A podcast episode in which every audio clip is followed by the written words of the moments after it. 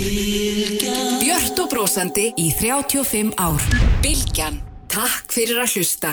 Sprengisandur á Bilgjunni alla sunnundasmórna.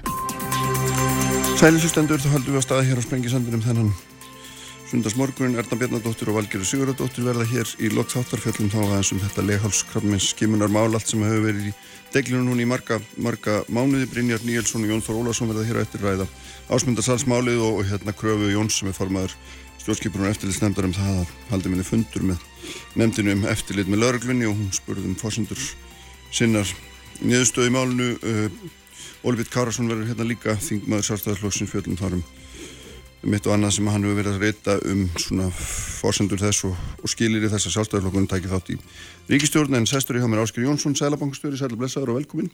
Já, þakka fyrir. Herri, þú hérna, hefur lag á að þú hefur lag á að æra óstöðu eins og hartendur hérna, og hérna gerði það núna með því að, að þegar það hérna e, sko því gripið til aðgerða fjármálustöðuleika nefnd lækkuð hérna, við hlutvall íbúa sem hann getur fengið til þess að kaupa þér íbúð þó ekki fyrstu kaupenda en almennt úr 85-80% var það ekki.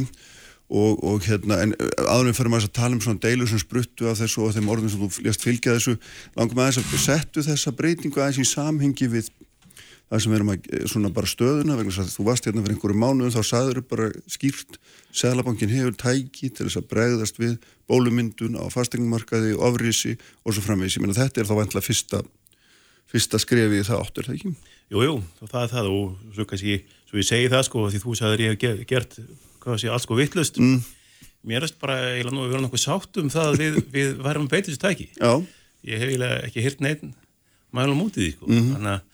Að Þannig að, ég álítið að ég, ég sé bara maður, maður hérna sátt á hérna samlindis í þessu, en hérna, nei þetta eru þau tæki sem við hefum fengið. Og hérna, því núna er uh, sá sælabanki sem ég er fórsverið fyrir, um, hann er náttúrulega komið með uh, mikið af nýjum tæki sem hann hafði ekki, ekki í síðustu bólu, mm. uh, þannig að hérna, aukþess að saminast við fjármálættilitið Þannig þau tækir sem við höfum fengið tengist fjármálastöðuleik og það eru leiðið til þess að takmarka skuldsetningu og uh, við getum takmarkað veðsetningu. Mm. Uh, við vorum að færa niður í 80% fyrir fastnarkaupundur. Uh, fyrstu kaupundur getur enni verið í 90. Já. Við höfum alveg heimildið til þess að fara með þessi veðsetningu niður manningi niður í 60-70%. Ég er ekki að segja við gerum það. Við höfum líka heimild núna sem alþingi veitt okkur núna í júni að takmarka skuldsettingu varandi ráðstofntekjur þannig að það, takmarka hvað fólk getur tekið mikið af peningam og láni varandi tekjur. Um, sem hlutfalla tekjum þá já, tekjum á, á, og við erum að skoða þó heimild en, en svo ég segi sko bankarnir hafa svolítið verið að gera þetta mjög vel. Það er að segja um, sést, þeir hafa verið sjálfu verið með svona svipu mörkun sem við höfum verið með.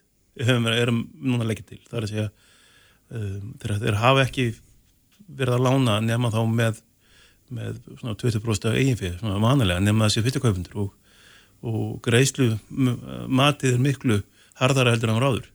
Þannig að þetta sem við gerum, þetta er eiginlega meira svona fyrirbyggjandi aðgjörð, mm -hmm. fremildur en það að við séum að, að, að, að slá hendur einhverjum, en, en sko að líka hafa þið í huga í þessu um, bankarnir er náttúrulega einu aðalega sem getur lánað fastum markaði, það eru aðra aðalega sem getur komið inn á hann bygging, byggingaraðlar lána eða, eða bara einhverju aðri aðlar sem getur farið að lána ofan á uh, bankulan en það sem við, við bara viljum gera með þessu bara komið fyrirbyggjandi að komið vekk fyrir það að fastnemarkaðurinn hann, hann verði blásist út og verði svona bólumarkaður eins og við, við höfum séð áður. Og, hana, og, og fannst ykkur, finnst þér og ykkur að það sé núna ykkur, ykkur það sé einhver teiknum að það sé að skapa slikt ástöndu eða hvað? Það geti verið, já. Það, það sem við erum að sjá núna er það að það er gríður skortur og frambóði. Það er að segja veldurhaði egna, hvað eru fljóttur að seljast, þeir eru aldrei verið minni. Það eru bara allar egnir ripnar út um leiðið á komandumarkaðin. Og, og þá skapa svona æsingur það að í fyrsta lagi að, um, að fólk bara tilveru það þurfu bara að leggja allt í söluna til þess að ná þessum egnum, bara vennilt fólk og líka bara það að það skapast vendingar um um haldi bara áfram að hækka og hérna 20% hækkun og kannski veist, næstu 12-20 mánuðum það sé allt í lægi að gýra sér byrja áur, markaðar er búið til eigi fyrir fyrir því þannig að, mm.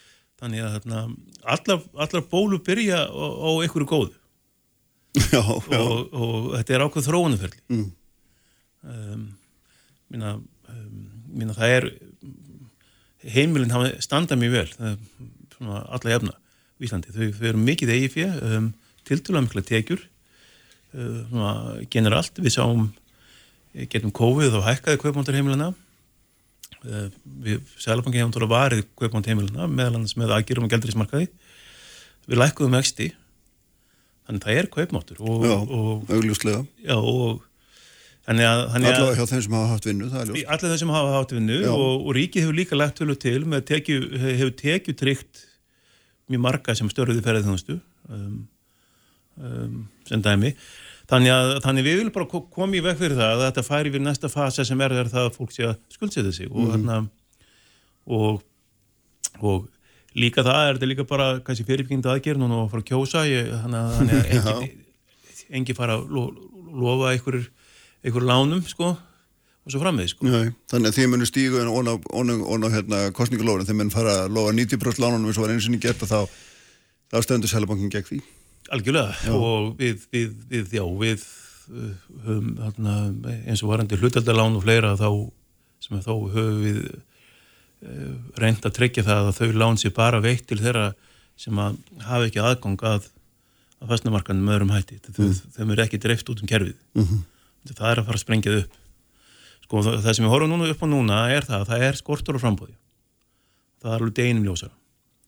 Og um, saman tíma erum við að sjá gríðarlega fjölgun fólks og aldrei um 25-75 svona sest, fólki sem er á þessum aldrei það var bæðið þetta eru reysastóra kynnslóðu sem er að koma inn á uh, mjög stóra árgangar sem er núna vilja að köpa sér fæstignir, líka mjög mikill uh, flutningur, hefur verið mikill flutningur uh, elendur ríkisborgara þeir hafa verið leikumarkaði mjög margir eru núna að fara inn á egnamarkað sem sjálfur sér bara mjög gott þetta fólk allar að þó að, að um, alltaf þá vera hérna uh, leggja fram til kerfisins.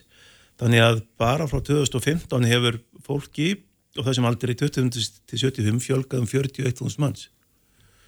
Þannig að það, það er bara gríðilega þörft í stað Mm. Það er innbyggð þörf fyrir, Já og við, ég, ég vil ekki uh, heldur, sjá það að, að þetta verði uh, fastamarkaðan verði eins og ykkur um, hvernig var það? Svona um, hérna í sveitinni tölum við alltaf um, hvað sé, um sko þræla slátt sko þegar, þá, eru sjölátni slá mm. á engi og, og, og, og einn, ef einhver hæði á sér þá fór hinn, hinn í hælan á honum sko. Við, við, við, viljum ekki sjá allt þetta fólk sem vantar húsnaði að það fari í eitthvað svakalega upp samkeppni eitthvað annað bjóðu pasnaverði, það er ekki ómikla fjárhastlega áhættu því það er bara fjöldið þeir regna sem þetta staðir er bara takmarkaður og, og þessi, þessi skilópa fannst mér komast mjög til skila uh, uh, og ég held að en akkur segir að þetta sé fyrirbyggjandi þessum skilningum þess að fastegna verið hefur náttúrulega bara hækkað um í 14%, Já. 14,7% sístu 12 mánuðum. Ja, það hefur gert án, án hérna, skuldsetningar. Og, hérna, og það hafi kannski einhverjum einbílishús verið að hækka. Um, sko um, sko fastnamarkar lítur alltaf að endurspegla kaupmáttöðurinn og, og gerir það núna það sem ég vil bara koma veg fyrir það að við sjáum fastna mér að fara að endurspegla uh, ómögla gýrun eða hérna, skuldsetningu En eh, sko þegar þarna, minnst áhugaður aðeins til hlýðar þetta vegna að þú nefndir á hana því að fáta, hefði verið að fáta tæki þar sem þið getur, þar sem þið getur raun og verið sett fólki einhverju mörk um skuldsetningu með við Já, tekjur. Þannig eru þið konir ansið djúft inn í aðdæmnafrelsi einstaklinga myndi ég nú halda eða hvernig eiginlega funkar þetta? Í það eru rétt. Sko það, þetta eru ákveðin þannig uh, viðmið sem að uh, við getum alveg tvö viðmið. Mm. Annars er það bara að taka bara he heldar, sem kallaði debt income eða þarna, uh, höfustól skuldarinnar samanbúru við ráðstöndtekjur. Þetta setja ákveð mörg og það að þú sér bara ekki að taka um, meira láni heldur en tekjurnin að segja til um. Hitt er inn í þessum kallaði debt service eða greiðslubyrði Mhm. á móti tekjum. Það sem að Ja, hva, hvernig skýr þetta sé frá greiðslumati banka í dag? þetta, þetta skarast mjög á við greiðsnumatsbankana Mm um, og ég, það var náttúrulega ekki, ekki framkvæmt nema í samanlið bankana. Og ég held að bankarnir sjálf sé, sé ekkert á mótið þessu per se. Ég held að um, ég held að það sem ég held að þeir verður bara gladir að það sé þeir, þeim sé ekki allt út í samkeppni til þess að lána mikið. Þannig að ég álf vona því að það verði sátt um þetta en ég, þetta eru rétt hjá þur þetta eru þetta eru dálitil yngripp eða, eða, eða, eða mörg inn í, inn í hérna, en þetta skarast mjög ávið hérna, ávið hérna greiðslumatið mm. og uh, sem er nú, er núti staður og um, En hvað þarf að gerast í svona almennt tala til þess að þið farið að horfa á þetta sem eitthvað svona alvöru valkost? Já, við þegar horfum á þetta sem alvöru valkost. Nú þið eru þegar farið að gera það? Já, já. Við erum ekki búin að framkvæma þetta en, en, en fjármálastöðleikur nefnd samþykti að taka þetta til uh, alvöru skoðunar og raunin fól, fól Sælabankanum. Sýst, allar, allar ákvarðinni Sælabankans hafa verið teknir nefndir mm -hmm. og, ég, þó, og þó, þó ég sé í fjölmjölum að, að einn sem þá er það þannig ég tek ekki þessi ákvarðinir einn. Þetta eru nefndi sem taka þessi ákvarðinir. Uh, ég er eins og var formað nefndan á legg tilugur. Nefndin, nefndin hefur, fjármástölugnefnd hefur ákveðið að taka þetta skoðanar og fali Sælabankanum sem ég er fórsverður fyrir að, að, að útværa einhverja tilugur mm -hmm. hvernig við getum framkvæmdunda. Sem því það að við erum þá sterklega að fara velta fyrir okkur að fara að gera þetta. Við munum auðvitað fylgjast með þróunni núna næstu mánuði og uh, hvernig markaðin kemur, kemur fram í haust.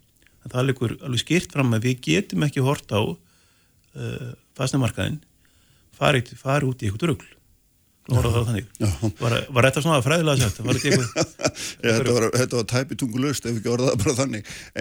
Það sem þið, ef maður leggur þetta allt saman, hérna, hækkandi verð sem hefur verið í, alveg á blúsandi siglingu og hérna og lítið frambóð og þessar aðgerði sem þú vart að nefna sérstaklega núna þá getur maður alveg líka bara að dreyja það áleitun að allir sem að laga er á lágunlaunum að þeim bara ítt út af markan það er bara ekki nokkur leið fyrir það að komast inn á hann Já, sko, uh, það, er, þú, það er verið að afnema verðsri lán, það er búið að afnema Íslands lánin svo gotlu í 40 ára lánin meira að minna. Og hérna og jú, fólki býst auðvitað að taka þau ennþá en það er ekki, með, með því er ekki mæl sérstaklega, mena, við erum að útýsa fullt af fólki, láta ekki fólki. Uh, Já, sko um, það er þannig, í fyrsta leið um, ég, ég tel sjálfur það að sé láta ekki fólki sem engin greiði gerður með því að gera þau uppur í ár En einhver stað verður að vera áskil Já, það ekki, þú, þú getur ekki byggt húsnaðastefnu fyrir tekjuluða mm. upp á eh, einhverjum hann að skulda sko þrældómi eða, eða að láta fólk taka alltaf mikið á lán Þannig að ég held að fólk verður aðeins, ég held að það verður aðeins að hugsa það aðeins öðru. Svo í öðru leið er það þannig um, að eins og markan hefur látið núna og hvernig þess að hækkanir eru, það er skortur á fæstunum. Þannig að þá bara hækka fæstunverði. Þannig að þeir sem eru tekið lágur fyrir að hafa bara minnst peningin til þess að kaupa. Þannig að ef við látum mark, markan eiga sig og þá verður þessu tekið lág fólki útíðist hvað sem er, bara mm. það verður bara gert með verðækunum og þannig að markaðin fer bara langt uh, langt út úr þessu sko, við, við erum að reyna að halda leðinni opinni fyrir fyrstu kaupundur þeir, þeir mega fara upp í, upp í, upp í 90% lán en, en sko eins og ég segja aftur við getum ekki byggt upp uh, sko, húsnæðastefni fyrir tekilóga með því að, að láta þú taka lán með engu eigi fyrir og gýra þau upp og, og það er ekki góð hugminn sko. En en ég hef uh, mikla samúð með, með þessum hópi. Ég, erna, sem bet, betur fyrir höfu séð frá að sjálfengi lækkaði vexti uh, síðasta vor, fórunir 1% þá hefur 30% af öllum uh, kaupsæningum verið við fyrstu kaupundur og og hérna þannig að hérna um, en, já. já, en sko na, er Sælabankin, er hann farin að reyka einhvern veginn sína í einu húsnæðistefnu ég meina þú, þú, þú, þú veist hver er að, þú ert komin langt, langt, langt inn í pólitískar ákvarðunum það hvernig við byggjum um húsnæðiskerfi.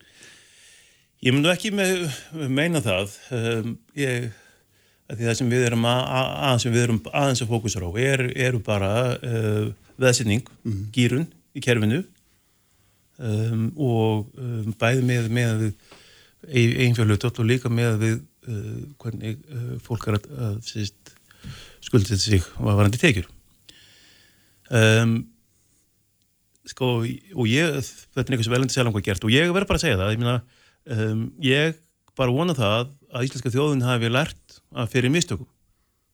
Að það er ekki sniðut að gera sér brjáur.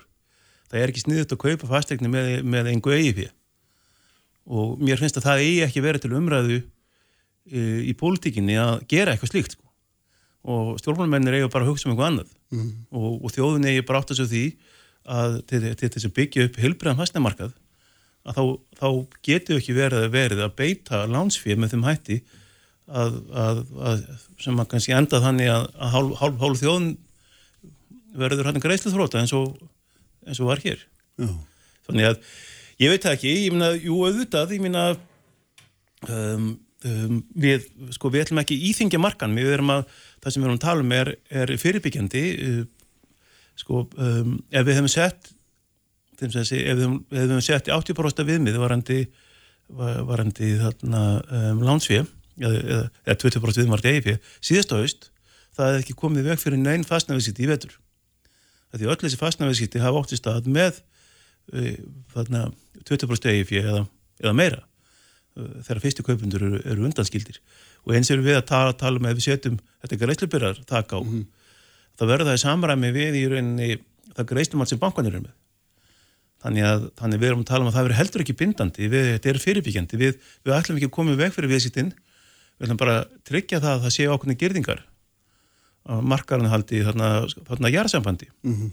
og mögulega verður það þannig að að þegar við ætlum að síst, þarna, stoppa veisluna að, að við verðum hérna gritt og göttum úti, ég veit það ekki en, en, en, en þetta er líka skilur að því að við, við, við um, þessu tækjum líka erum við að koma í veg fyrir það að, sko, að við þurfum að beita vastahækunum við, ég, við, við erum að vona það að með því að setja þessi gerðingar þá, þá þurfum við ekki að hækka vexti. Ekki eins mikið mm -hmm. og og líka bara bara það að ná, ná þessum vendingum niður á markan að bara að ég, að því að ég óttast það núna þegar það er myndast svona vendingar um mikla hækkun fæsna verðs allir þeir sem eiga íbúður sem að selja þeir býða til að hæra verð. Og allir þeir sem er að kaupa verður svo æstyrt þess að ná eigninni á að verði hækkar og svona. Mm -hmm. bara það að fá bara fólk til að slaka á. Uh, það skiptir mjög mjög máli. En um leið þá, þá gerist það að uh, sá sem að hlustur á þig og var að hugsa um að fara að hérna, byggja íbúður hérna í einhverju hverfi hann hugsa með þessi neybyttu að hafa verið að hérna, kæra þetta niður, ég ætla að býða og þá hérna, er viðvarandi skortur á, á frambóði ég... Mena, er það ekki augljósa aflegging af þessu? Nei, ég held ekki, ég held að, ég held að allir, allir, allir verktakar ég, meni, ég held að Ég, ég held að með hvað að verði verið hækka núna þá sé það alveg gríðilegur augljósa hagur fyrir verktaka að byggja og selja. Því sem lóðaverði er skipta náttúrulega miklu auðvert ekki, þú þótt að kaupa. En ég held að það sé alveg gríðal ég, ég held að byggingargerin sé að vera bregðast við. Ég held að sé að fara að sjá uh, stóru ekki frambóð þegar litið eitt, tvei ára fram í tíman ég mhm. held að þetta bara alltaf vera að gerast og einhverju leiti það er svo margið þætti sem endurspeglægt í sem er minna minna frambóði einhverju leiti voru allir byggingar að byggja hótel, ekki fyrir lengur síðan svona stæmis er tekið. Um, um, um, það hefur gengið hægar það núna eru ákveð markmiðvarandi þéttingu byggðar það hefur gengið hægar að ná þessum þéttingareitum áfram sem dæmi. Og um, þá komum fjóðust íbúður og markaðu síðast ári sem er alveg tölvört mm. og markaðurinn um, það var náttúrulega gríðilega velta markaður í þarna fæstamarkan var að fungara mjög vel í vetur. Þá náttúrulega bara það kemur um á vorið. Og það er bara ekki meira vegnum á sjölu mm -hmm. Já, sko, eitt af því sem hefur alltaf spunnist umræðum í, í kjálfar þessar, þessara og þessa og hérna er auðvitað það hvað, hvað ræður hækkun fastegnaverðs og hérna þú komst nú fram með þá hugmynda eða settir það fram að það var í meðal annars skiplasmál í Reykjavík sem að riði miklu um það að hérna, það var ekki, bara einfall ekki búið að riðja nóg land og það riði og menn brúðist ókvæða við því og spurði hvort að fastegnaverð á, á Akureyri hækkaði í, í takt við loðaframbóði Reykjavík og svo framvegis. En ég minna síðan sínist mér alltaf svona því sem ég hef náða að kynna mér að alltaf vakstastíði ræður þetta alltaf mestu. Það er algjörlega dóminirandi þáttur í því hvernig íbúða verð þróast og hjá okkur hefur það alltaf verið hefur þú og þú, hafið, þú og þið hafið þetta hérna, verið að lækka vext í mjög grimturlega og opnuðu fyrir möguleika banka til að lána meira. Þannig að þetta er einhvers konar ringavillsvarðin þetta er einhvers sjálfskapavíti. Já sko þannig þannig. Þannig að eins og við eins og, eins og við kennum nefndum á fyrsta ári. Verð, verð, verð er að ræsta samspilið frambóðs og síðan sko eftirspunar Já, þakka þið fyrir. Þannig að sko þannig að það er alveg rétt að, að, að Það ræðist líka því hvað peningarnir kosta Já, algjörlega Já. Og, og, og vaksta sko, og líklega stærri hluti Sko vaksta sko vaksta kostnaður ræði mjög miklu og þarna um, sko það sem við það sem Sælafangi gerði síðasta vor var ekki bara það að lækka vexti sem við gerðum, þetta er líka það að í rauninni að breyta í, í grundalega atriðum um, svona, peningastjórnin þar að segja uh, það að bankanin gáttu lagt inn uh, lausifinn í Sælabankan og fengið til dælu hávexti við lokuðum því og við rauninni hendum þannig að það lausifinn aftur í þá, var orðað þannig. Já. Til þess að það streymt út á markaðin? Til þess að það myndur lána og það er þeirra að gert það og, hérna, og það er sjálf sem mjög jákvægt og hérna, veist, það er búið að vera hérna í ára tvíi sífjöld umræðu að verðtryggingi sé, sé hvað hva, hún sé ömuleg og akkur sé ekki hægt að vera með alveg fastnaláni sem verður með útlöndum og nú, nú við búin að fá það, mm -hmm. núna erum við konið fastnaláni breytunum vöxtum um, bara á einu ári erum við bara, bara góður leið út úr þessu verðtryggiða kerfi og hérna þannig að um, þannig það er sjálfsög ákvæmt en, en sko svo ég komið því sko, fram, sko það er í rauninni svarið spurningum með, með, frambúðu þetta og akkur það er í rauninni bara einn, einn fastna markar í Íslandi og það er Reykjavík. Mm -hmm. og um, fastna marður á öllum stöðum í kringu borgina ræðst af því fastna marður Reykjavík. Síðan eru þessi minnistaðir sem er kring prísaður út frá fjallæð og út frá fastna marður Reykjavík. Þú sér það bara uh, þess allir sem við vinna hérna á þessu svæði þeir velta fyrir sér á í búa selfos eða Reykjavík það veltur því, já, kostnaðu það að keira á tíma og síðan, síðan hann að fastnöðurinu þannig að, þannig að hérna, um, hvað var agurir þá hefur hérna uh, um, líkaður tingum vill en, en, en, en þetta umtálega sö, sömu þættir þar og agurir eins og hér að, að aukin hérna sko eftirspunn mm. og hérna þannig að þannig að hérna um, skiplasákvarðin hafa eins og gríðilega miklar, mikil áhrif til lengri tíma um fastnöverð og það, það bara það er svona algjör löglust líka ákvarðin eins og varandi í samgöngur um, sko ferðartími inn, inn í bænum skiptir mjög mjög máli. En er ekki að gera alltaf lítið þarna úr því hvað þessi innspýting fjár inn á markaðin og vakstarleikurinn hefur? Er það ekki hún sem er dóminirandi til skams tíma? Algjörlega, jú, hún, hún dómir til, til hann skamst tíma, ég, hérna, en, en það kannski þessi bara spurningum það að, að, að, þessist, þarna, að það sé í rauninni kvartning til hann sko frambóðsleginar að hann koma fram. Mm. Sko, um, sko, þarna, það sem við þurfum að hugsa núna, ég minna, við þurfum að hugsa um frambóðu eitthvað líka, eins og núna. Þannig að það er típist efni í fæsnabólu mikið lögninga eftirspurnar og síðan tekur tím, tíma fyrir frambúðu að þarna bregðast við og, og það er líka meðan af þeim sökum sem að sem við erum núna að þarna grifur til aðgera þessi rauninni hindra það að bara verði bara hækki alltaf mikið hvað þarna sko frambúðu lítið en um, en hins vegar, grunna ástæðan fyrir þessu er það að hvaða er mikið af fólki sem vantar íbúður mm -hmm. mm -hmm. og og um, Og það er einfallega stærð sem að smittar út, út í öll önnu sveitafélag Íslandi. Þú ert raun og veru bara að segja mér það. Já, það gerist það og, og, og, og áður en að við byrjum að lækka vexti mm. þá kom þetta fram bara mjög hárur, hárur leigu. Og til og með leigan eftir að, eftir að fólk fór að kaupa þá hefur leigan lækkað verðulega. Uh, húsalega hefur, hefur lækkað í Íslandi. Þetta er ekki 7-10% á saman tíma og egnamarkan hefur þarna, þarna, þarna brúðist við og þannig að það sem ég er eiginlega bara að segja það að um, ég ekki kenna henni um, ég segja það mm. bara kvartning til þess einhvern veginn að, að skipulega segja völd um, mér er svona almennt séð, ekki bara Reykjavík heldur bara almennt séð, skortur og þekkingu á um, hinnu hagfræðilega samspili mm. uh, sem að sem að ákvörðan eru að hafa og ég bara skil ekki að hverju við erum svo fáið í svo landi um, ættum að geta skipula þetta miklu betur að eignin koma markað í samræmi við fólk, hvað, hvað fólk í fjölgarlandinu mm. var mhm. eiginlega, eiginlega meira þannig já. og þá tellið það verið miklu heppilegur að það verið gert staðis að Sælabanki þurfa að vera standið sem aðgjörðum Já, anna, já, já, akkurat myndi það, það myndi hérna með því að skipleiki markaðin betur þá myndi, þá myndi þetta verða einhvers konar einhvers konar óþarfi að, Ekki óþarfi en, en, en, en bara að sko um En er ekki staðnett líka svo að, sko, hérna, að þessa mannfjöldaspár sem eru gerðar, ég segja kannski svona í kringum 2010 og hvað svo leiðis, að það er náttúrulega hafi ekki staðist vegna þess að einfallega að hagkerfið eða Ísland bara gjör breyttist á erfáum árum.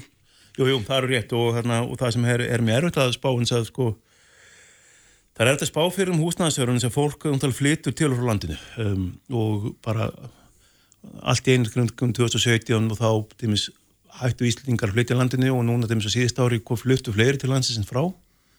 COVID er tímis að hafa mikil áhrif því að fólk er að koma áttu til landsins sko. Um, líka það ég held tímis að byggingarreinaðurinn það sem mjög mikið ellendur ríkisborgum vinnur ég held að þegar byggingarinn hafi þetta aldrei högt eftir fallu áf mm. og ég held að margi verktakar hafi bara ekki, ekki viljað byrja nýjum nýjum, nýjum, nýjum prótjöktum um, bara út af því að það ótaðast um hvort að haggjara var að leiða niðursöflu uh, síðasta vor þegar við greifum til aðgera það voru uh, það var fastnamarkarinn hálfísi frosti þannig að punkturinn sá að að þegar byggingarinn var aftur á stað og held ég mjög margir enn ríkisborgari sem er að vinna í byggingarinn en það hefði álutið að núna var kannski lóksins komið eitthvað öryggi fyrir þá mm -hmm. uh, til að kaupa sér eign, eignir Reykjavík eða Íslandi vöðin þess að byggingarinnan var að þarna uh, var að halda áfram og þetta væri örugt lísöðaðuri uh. en svo ég svarið spurningunni sko, mér er þessi umræð ekki byllinni snúast um hver, hver, hver á sjökina sko, þannig að Sælabankin axtar alla ábyrði sem hann gerir. Þetta er líka þetta er líka munum fá að finna því. Þetta er bara snýst bara meirum þess að þessum ég álut bara umræðum það hvernig við getum gert hlutina betur. Uh -huh. og, um, og mér finnst það að fólk eigi að geta tekið þátt í þessu umræðum á þess að fara endilega í, í ykkur skotkaræfur eða fara að verja það. Þú finnur að þú ert náttúrulega stígað þann og tærunlega og þú fyrir að tala um þetta. Jú, auðvitað er það, mm. auðvitað er, er, er, það þannig. Og, hana, um, og margar æði við var sínsmjör Já, já auðvitað er það auðvitað er það þannig. Og, og, og þetta er og þetta er þetta, svo ég tala almennt um það. Það er ástæðan fyrir okkur sjálfbankan sjálfstæður okkur er fengið vald sem skarast á við, við pólitíkina á mörgum sögum og og hérna, um, það voru erfitt fyrir okkur að gera nokkuð á, þess að við uh, lendum upp á kant við, við pólitíkina, henni pólitíku fulltrúa og svo framvis en, hérna, en, en sko um, en þessi punktur sem ég ekki að reyna að segja það þú bara, að, bara mjög mikilvægt að skilja orsök og afling og það eru, eins og við talum um skipilagsmál það er alveg auglust að það hækka fastnaverð að ákveða að taka ekki ný hverfi uh, brjóti ekki ný hverfi, það er algjörlega auglust um, það getur vel verið að það sé svo ákvörðin sem er tekin að þið þurfa þetta borgina. Og við sem byggja hérna allt og dreift og það valdi alls konar vandraðum hér. Og, og þá er það bara þannig og þá bara verður fólk bara viðkynna það. Mm -hmm. uh, Það ert ekki að setja inn í þessa jöfnu einmitt spartnaðin sem er að því að þetta sem að fælst í hérna, minni samgöngukostnaði minna tímatabi, hérna, stittir næstu búð og hvað þetta heitir allt saman, skilur þú? Jú, jú, jú, eða bara, jú, jú, ég, enda, enda, sko, ég, sko, ég, ég er ekki í því hlutverki ákveða skipilagsmól, en, en það sem ég er bara, er að bara benda á hvernig þessi hluti, hluti tengjast. Jú, mhm. auðvitað, það er tölvöru spartnar í því að þetta byggð og, um, og ég tel að það hef verið eitthvað hluti vandamál borgarinnar að við erum allt og dreifð. Ég held að höfuborgarsvæði ná verið hérna, svipa flatamóli fattin svo Amsterdam með káleika og, og ekki eru, mann veit ekki mann finnum hvað búa margir ástæðan það er, er alveg, alveg ábætt í því um, og, og, og sama við sko um, um þarna, þarna sko innviða sko framkvæmdir að, að, að það er, það er líka mikil áhrif á fastnaverði mm. þannig að þarna þannig að þarna um, ég mann voru reyndar sem kom því að á ánum var selmangastúri þá var ég reyndar eitt minn telsta sversið var þannig hastamarkaðurinn. Já, já, akkurát. Þetta er ekki... Nei, nei, nákvæmlega. Og hann að, en hann að... Þannig að það eru líka margar rannsóknir á bæki. Jú, eitthvað var ég að svona, já, hvað að segja, svona gauð eða þessu hérna áður, sko, þarna, en sko, já, en, en, um, um, en það skiptir mig miklu máli núna, svo við komum áttur á Sælabankanum. Ég, ég, um, að það fólk skilji akkur við erum að gera hlutina það sem við erum að gera og hvað við getum gert og hvað við getum ekki gert. Um, og eins og segja varandi vexti og, og, hérna, og, og þegar maður er í þessu starfi það, finnst manni að manni alltaf að, að það sést, eins og segja það, það búið að, búið að tala um það í áratögi hvað verður lán var ömli mm. hvað, hvað íslensk heimili var að borga og hafa vexti. Og þá búið að álasa peningastefninu og króninu og sælabankunni verið það að vera að halda allt á vexti. Svo bara lækkuðu vexti. Mm við byggjum hérna upp að nafnasta markað með breytilegum vöxtum. Bara með því ekki bara lækka vexti heldur breyta því, því, því hvernig, hvernig, hvernig peningamagni umferð er sett, sett niður. Og þá, þá ætti bara allir að vera gladir ég minna þá það leiði út þess að fastin verið hækkar eitthvað leiti um, mjög mikið af fólki hefur getað hefur getað nýtt hennar glukka til þess að komast inn á fastamarkan sem áttu 30% sem keftu eignar sem hafa sem 30% öllum fastina kaupum og síðustu 12 mánuðum hafa verið fyrstu kaupundur og, og það er mjög það er mjög gleðilegt. Þetta er bara, þetta er bara, bara svo mikið af fólki sem greinlega vantar íbúðir mm -hmm að uh, eh, frambúð er ekki að ráða við þetta. Um, það, það mun gera það. Ég held að það mun vera nægilegt frambúð ég held að sko, þéttingareitir og allt það að, mm. að þeir, þeir muni skila nýjum eignum. Þetta bara tekur aðeins lengri tíma. Og um, þannig að það sem að og það sem að ég er líka á það að við okkur nái að verja hann árangur við náum að viðhalda hérna eh, fastanlandamarkaði það sem að, sem að, sem að gera það miklu öðuldar fyrir, fyrir fólk í landinu að egnast húsnæði, borga læri vexti. Um, við getum búið til lífskeiði með því. Mm -hmm. læri vextum og, og í rauninni hægstæðari fæsnalón og, og þá erum er við að reyna að gera það kerfið það, komið veg fyrir omklæðskuldsýtningu, komið veg fyrir að, uh, bólu, komið veg fyrir það að, að það sé eitthvað sem taka á miklu fjárhaldslega áhættu og ég, ég er bara vonað að hefnist, þetta er bara svo marga breyti sem við þurfum að díla við Já, með mitt. Við sjáum til hérna með þetta áskil hvernig þetta þessu vindur fram núna næstu mánuð á misri. Ég þakka þið fyrir. Takk fyrir að koma og hérna Óli Bitt Kárasson verður hérna hjá mér eftir augnablik. Réttir þjóðmál og pólitík. Sprengisandur á bylgjun. Uppspretta frétta á Sprengisandi á bylgjunni. Sælrætturlustundur, Ásker Jónsson, Sælabankstjóri farin fram mér, það er verið að hérna í lok þáttar Erna Bjarnadóttir og Valgjöru Sigurðardóttir, svo verða hér þingmendir Jón Þór Ólarsson og Brynjar Níelsson. En í símanum núna norðan úr landi er Óli Björn Kárasson aldingismæður, sætt og blessaður Óli Björn. Sætt og blessaður. Hvernig er staðan á þér hérna fyrir norðan? Ég er að vísa ekki fyrir norðan. Nú ert ekki fyrir norðan? Nei, ég er hér við meðarfelsa Nú, nú, nú, þú sagði mér að vera í sveitin ég bara trúði ekki að það er nú að vera fyrir norðan. sko. Já, já, já. Heyrðu. Sveitin mín er fyrir norðan Já, já, já, já. Það hérna, það hérna, við séum nú vel. Sko, hérna, við langaði þess að ræða við grein sem þú skrifaði í mokkan hérna í síðustu viku. Það sem þú ert í raun að vera hérna, að gera mér þann stóra greiðarinn að skerpa eins hérna pólitísku línur og hérna eins og þú segir sjálfur, ytta hugmyndafræðina og, og, og svona setja upp einhver skilir og forsendur fyrir því að þinn flokkur gangi inn í ríkistjórn og þarna, og svona þá fer maður þetta kannski fyrsta spurningin er auðvitað bara þessi síðustu fjögur ár.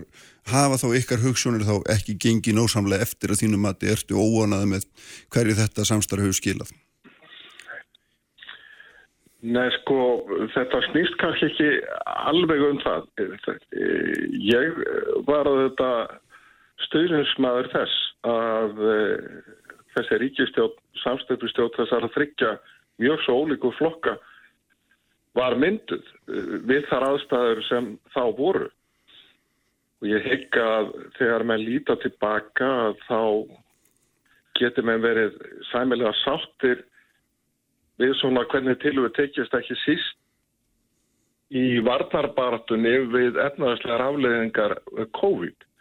Það breytir ekki hinnu og kemur einhverjum á óvart að hugmyndafræði okkar í sjálfstæðisbloknum og hugmyndafræði vinn okkar í vinstirgarænum er mjög ólík. Mm -hmm. Það er í rauninni næstu því sama hvar þú ber niður. Við erum talsmenn takmarkaðara ríkisafskipta, hófsendar í skattendu.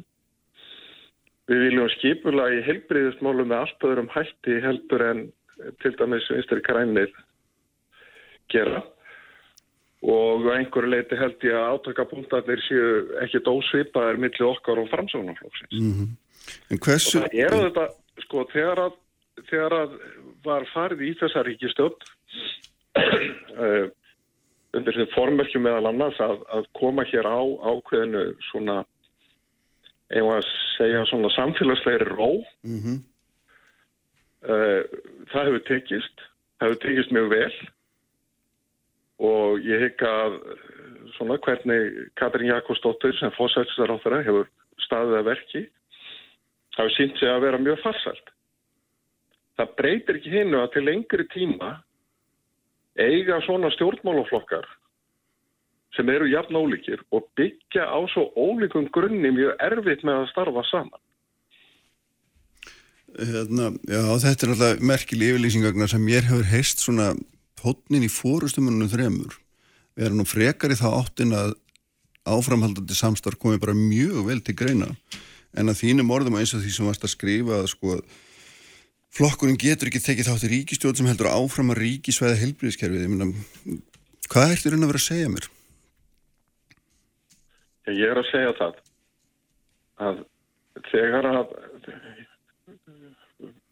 maður hefur þá samfæringu að það sé best og skeinsalegt og nöðsilegt að skipulegja hér heilbriðiskerfið út frá þörfum hinn að sjúkaratriðu og þarfir hinn að sjúkaratriðu og við erum að sjúkaratrið en ekki út frá þörfum kerfisins það þýðir að við ætlum hér að efna hér til samstarfs annars eða mikli ofinbera hlutakerfisins og sjálfstætt starfandi aðila, lækna, hjúgrunafræðinga, sjúkuraþjálfara og svo framins, þess að nýta okkur þar. Ef að það er með skipilögum hætti, vegna sem við teljum að þetta skilir betri þjónustu, minni kostnaði, ef að menn er ekki tilbúinur að fara í slíka vekkferð með okkur, það sem þetta er stærsti útgjaldaliður ríkisins, þá hljóta menn að melda því fyrir sig að byttu hverju tilgangur með ríkistofnarsamstarf. Já, ég spyrði bara hver er tilgangurinn vegna það er þeir augljóslega ekki í þessari vegferð saman. Já, ég held að ég hef sagt í grenni að, að sko tilgangur stjórnmálumanns hlýtur að vera að sjá, eða minnst okkur stæðislega minn tilgangur, Mm. að vinna skoðunum og hugsunum mínum fylgis og hrindaði mig frangat, hafa áhrif á samfélagi. Stundum er það þannig að það er ekki víst að þessu markmiðiðinu eða tilgangi að þú náið honum endilega með því að vera í ríkistjórn. Það er ekki heilu skilda stjórnmálaflokks eða stjórnmálamanns að taka þátt í ríkistjórnarsamstarfi ef það skilar ekki þeim tilgangi sem aðeins stend. Mm Þá er oft betra að standa utan ríkistjórnar, þjætta hópin, endur skipuleikja hópin og ytta hugmyndafræðina vegna það er svo mikil hætta á því að þegar þú tekur þátt í ríkistjórnarsamstarfi þarf það að taka tillit til allra og ég, ég dreif ekki ef að þetta er ja- jafn erfitt fyrir sko veistir græna vinni mína og, og fyrir okkur sjálfstæðismenn. Mm. En þegar þú tekur þátt í slíku stjórnarsamstarfi að þá vil hugmyndafræðin oft greimast. Stefnumiðin verða eins konar aukaðrið og það getur ekki orðið í stjórnmáluflokki sem ættar að lifa til langarar framtíðar og hafa einhver tilgang. Finnst ég að þetta hafa gerst núna undan fjórum árum? Ef við, tök, ég ef við held tökum COVID til hliðar all, alveg út úr, út úr myndinni. Nei, sko, ég hef að vísu verið eh, haft áhyggjur af því og það hefur örglega séð í skrefum mínum langt aftur í tíman að ég hef haft áhyggjur af því að sjálfstæðisflokkurinn leggja ekki nægilega rægt á hugmyndafræði og hérna stefnumál. Mér finnst almennt pólitík á Íslandi orðið þannig að hún er orðin frekar svona tæknimiðuð, hún er byrokratísk og menn nálgast einhvern veginn viðfansefnið eins og samfélagsverkfræðingar, eins og verkfræðingar og verkfræðistofu eða sérfræðingar. Þetta sé einhvern úrlausnarefni sem hægt er að stilla upp í einhver Excel-skjali og fá niðurstöð. Stjórnmál get ekki orðið þannig. Þetta á við um alla íslenska stjórnmálflokka. En ég ger bara meiri kröfu til sjálfstæðisflokks Jaha. en annar.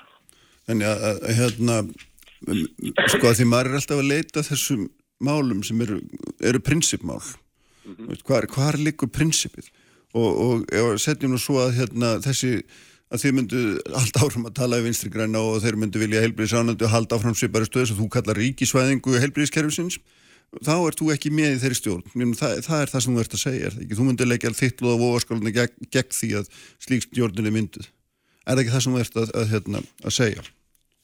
Það, það, það sem ég er að segja er mjög einfalt. Ef að menn halda áfram og breytir í stefnu mm. í heilbreyðismálu þá eru það aldrei með mínum stöðning.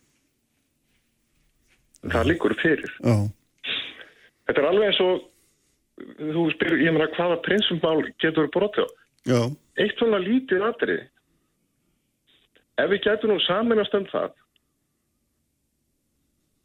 að öll vandamál verði ekki leist með auknum útgjöldum þá myndum við ná langt. Ef við myndum saminast um það að ná hér árangur í ríkisræksturinnum með aukinni hagraðingu, betri reksturi og skilvirkni, þá myndum við ná langt í því að ná saman. Mm. En er þetta ekki margmið sem eru, eru fjari? Já, ég er að vonast til þess að séu það nú ekki. Nei. Ég er að vonast til þess að það séu aukið skilningur á því. Ég er að vonast til þess að menn skilji til dæmi samhengið sem er á milli hagsaldar og og fára skatta. Já, en... Ég er að vonast til þess að menn skilji það að það sé eitt af verkefnum stjórnmálumanna er að byggja upp og tryggja hér fjárhastlegt sjálfstæði launafólks og við gætum til dæmis komið því þannig fyrir að gefa hér launafólki, venjulegu launafólki raunverulegu tækifæri til að taka þátt með beinum hætti í atvinnlífinu og skjóta þar með styrkari stóðum eða nýrri stóð undir eignamyndunum sína og þar með fjárhastlegt sjálfstæði. mm, mm, Svo sem er skattalegu, hérna ívilunum skattalegum afslætti vegna hlutabrið og kaupa. Svo sem er því að gefa þeim möguleika á því að nýta hluta af mjög háum yðgjöldum sem fara í lífeyrissjóðana sem eru núna orðið 15,5% í frjálsan spartnað uh, í atvinnlífunu. já.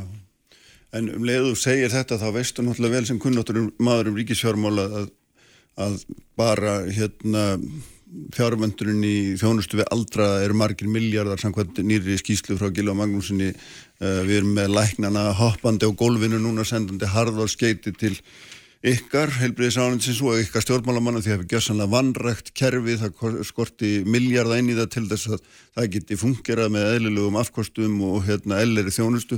Þannig að ég fattar nú ekki alveg hvernig, hvernig ætlar eiginlega hérna, að finna leiðir til þess að gera þetta hverju tveggja því að, að það verður ekki bæði haldið og sleft Nei, en erum við þá að halda því fram að íslenska helbriðiskerfið sé svo vel reikið að til fyrirmyndar sé að það sé ekki verið að það sé ekki hægt að ná árangri í að nýta fjármunni, vinnuafl og húsnæði betur en gert er, það eru þetta fráleg. mm. Ég var að sagði hér áðan að ég var að vonast til þess að það myndi aukast almennu skilningur á því að öll vandamál verði ekki leist með auknum ríkisútgjöld. Uh -huh. Þetta er auðvitað hluta því.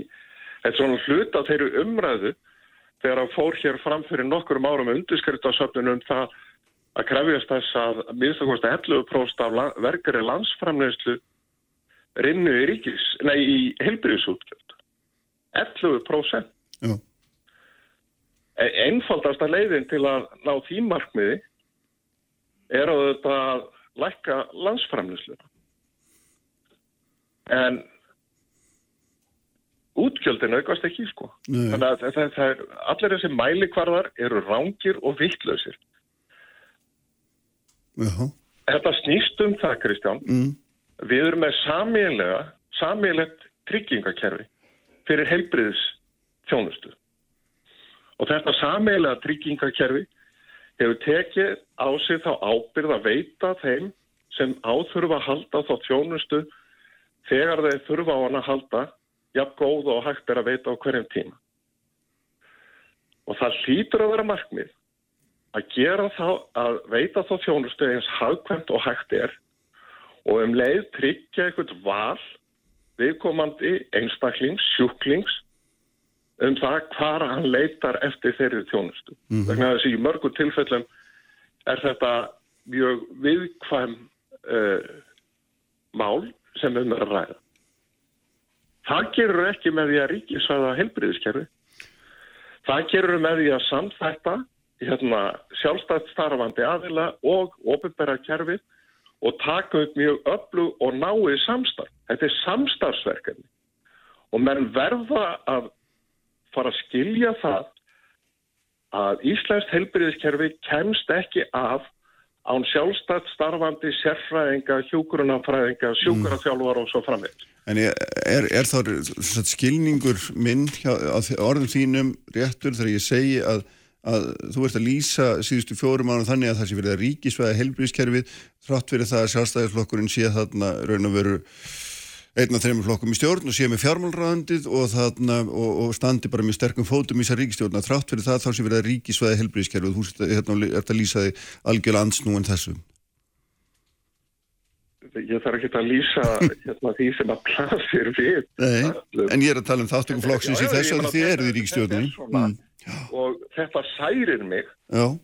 og vegna þess að ég veit að ef menn halda áfram á þessari braut þá verður þjónustan dýrari hún verður verri og lausnin hjá kerfinu verður að lengja byggðlista og jáfnvel búa til byggðlista eftir byggðlistum eins og hefur verið gert á undanförnum ára. Það er semst konið byggðlisti eftir því að komast á byggðlista. Mm og þetta gengur ekki og við verðum að snúa þessari brönd.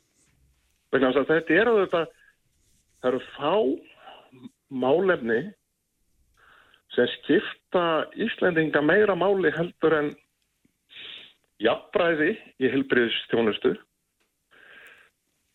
og ég er alveg samfarið um það ef það verður haldið áfram og ég, það er það sem ég hef varað við ítrekkað mm. á undanfjörnum missurum En menn halda áfram á sömu bröð í helbriðiskerfinu með þessari ríkisvæðingu eða ofinveruvæðingu, þá verður til hér tvöfatt helbriðiskerfi. Og ég fullir því að það er ekkert sem mun sundar þessari þjóð meira heldur en tvöfatt helbriðiskerfi. Mm, mm.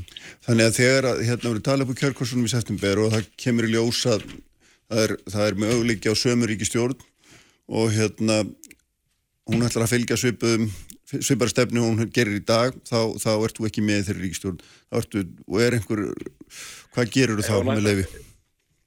Ég er ekki, sko nú skulum við bara hérna býða eftir kostningum já, já, já, við skulum sjá, hérna við skulum nú sjá ég, er, ég hef sko á margan hátt hefur samstarfið við beinsteri græna gengið mjög vel og það það sem er gott við það samstarf er líka það að við vitum fyrir hvað við stöndum, hvert við verum fara og hvaða við komum.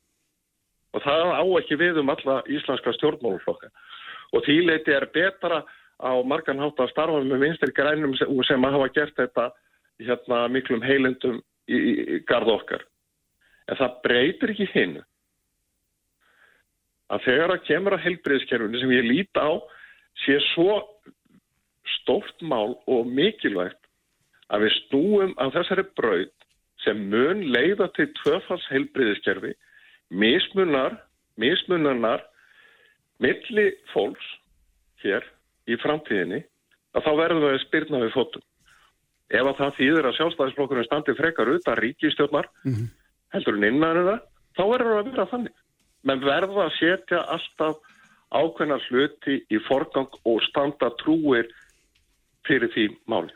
Heldur þú að ég mikið stuðningu við þessi sjónamöðum? Já, já, já, ég fullir það. Þú fullir það. Herðum, Ljómandi, þetta var hérna áhugavert við sjáum hvernig fram, framvindur bestu kvæðir í sveitina og hérna takk fyrir þetta. Takk. Uh, Brynja Níelsson og, og Jón Þór Ólarsson verða hér uh, hjá með leittrögnumlik. Uh, við ætlum að ræða þetta svo kallega ásmundarsalsmál. Sprengisandur. Alla sunnudaga á bylgjunni. Sprengisandur alla sunnudaga á Bilginni.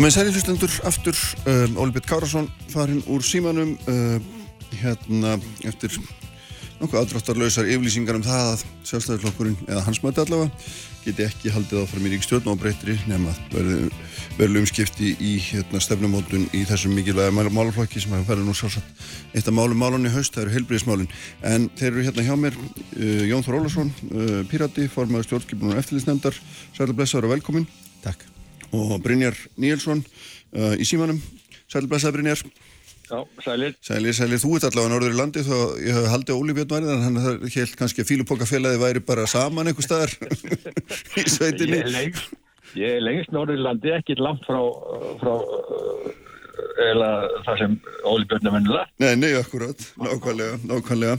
Eiriðu, hérna, takk fyrir að vera með okkur Brynjar, en sko, mér langaði þess að ræðum þetta ásmundarsalsmál hérna með ykkur vegna þess að þú ert, hérna Jón Þór Nýjast búin að fara fram á það í þinni nefnd, hérna þess að hún formar stjórnskipunum eftirlits nefnd að hún taki fyrir þetta mál en einu sinni fái til sín þessa, þessa nefndum eftirlit með lauruglu, það verði opinn fundur með fjölmiðlum og því fáið að spurja hann um hvaðina og, þarna, og af hverju, er, er þessu mál ekki loki, er ekki búið að afgreða þetta eins og hægt er, hvað stendur í letir? Mm -hmm. sko bæði þegar kemur að þessari nefndum eftirlit með lauruglu en fyrst náttúrulega þegar kemur að ráð þeirra sem að ringir í uh, lauruglustjórnum tvísasinum á, á hann aðfungadag uh, þá er þetta spurning um pólitísk afskiptum í lauruglu Greco sem eru uh, samstarf Íslands með öðrum Evropríkinum gegn spillingu á vettvangi Európaráðsins var alveg skýrar út í sinni skýslu 2018 þar sem við bara segja alveg bara orðrétt Ísland verður að takmarka pólitísk afskipti af löggjustlumálum á Íslandi og -hmm. ítrekka farið við það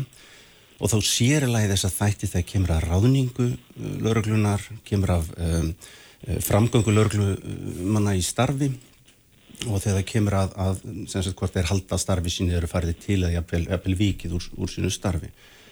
Þetta er sami ángin af, af, af þessu, þessu málu, hvort þessi pólitísk afskipti, þannig að við þurftum að skoða náttúrulega dósmálar á þeirra, þegar hún ringir hann að beint eftir að fengi þessa skýslu 2018, þá var þessu Sigur Ára Andersen mm -hmm. dósmálar á þeirra, en síðan talaði ég við Áslu Örnu sem dósmálar á það, Jóndabunni fyrirspöldum í þinginu í nóvember, núna bara rétt fyrir áramáttinu og við fórum yfir þessa skýslu og hennar listi sem hún átti að vera innlegaði hérna á Íslandi, að takmarka þessi pólitísk afskipti uh, var, þetta voru nýja atriði sem voru svona sérstaklega tilnæmt til, hún var byrjuð á þrem og ekki einu svona byrjuð á, á, á sex af þessum atriðum og þannig að hún var mjög meðvituð um þessa stöð og svo bara mánuðið setna ringjurinn í lörglustjórum beint mm -hmm. með þessa, þessa Já, sem reyndar hefur neitaði þannig að hafi verið um ykkur ólega skiptaraða nei, nei, hún hefur neitað því að hún hafi ekki verið að skipta sér lörgluransók sem mm. átti Hanna Birna Kristjánsdóttir viðukendi sín á endan með dúk og disk eftir að umbúsmaður rannsakaði Hanna að hún hefði að afskipta lögreglu rannsókn og þurfti að segja af sér í kjöfni þannig að þetta er ekki grípuðlösu lofti.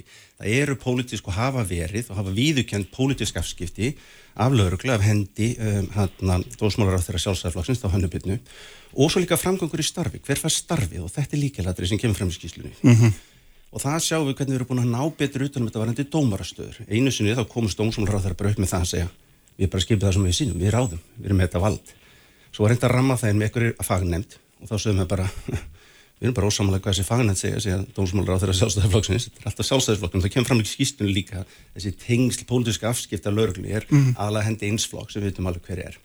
Uh, en þarna, sem sagt, nei bara, ég, vil, ég vil skipa hana, þenn, þetta dómarembætti þvert á þess að hefnisnefnd segir uh, Són Davís Ottssonar þannig að þetta er þetta, er þetta pólitíska afskipt af mm. dómskjörnu svo ræmuðu það ennþá beturinn og pössum upp á það að að þýrt að leita til þings og framvegis en samt tókst dómsmálar á það sjálfstæðarflokksins þá segir Röðandersen ekki betur mm -hmm. til að skipa í stöður í heilt nýtt dómstík en hún skipaði fjóra af gethþáta í trássimilög og var dæmt í hérastómi hæstarétti, marriðardómslega að vera búið við deildinni þar.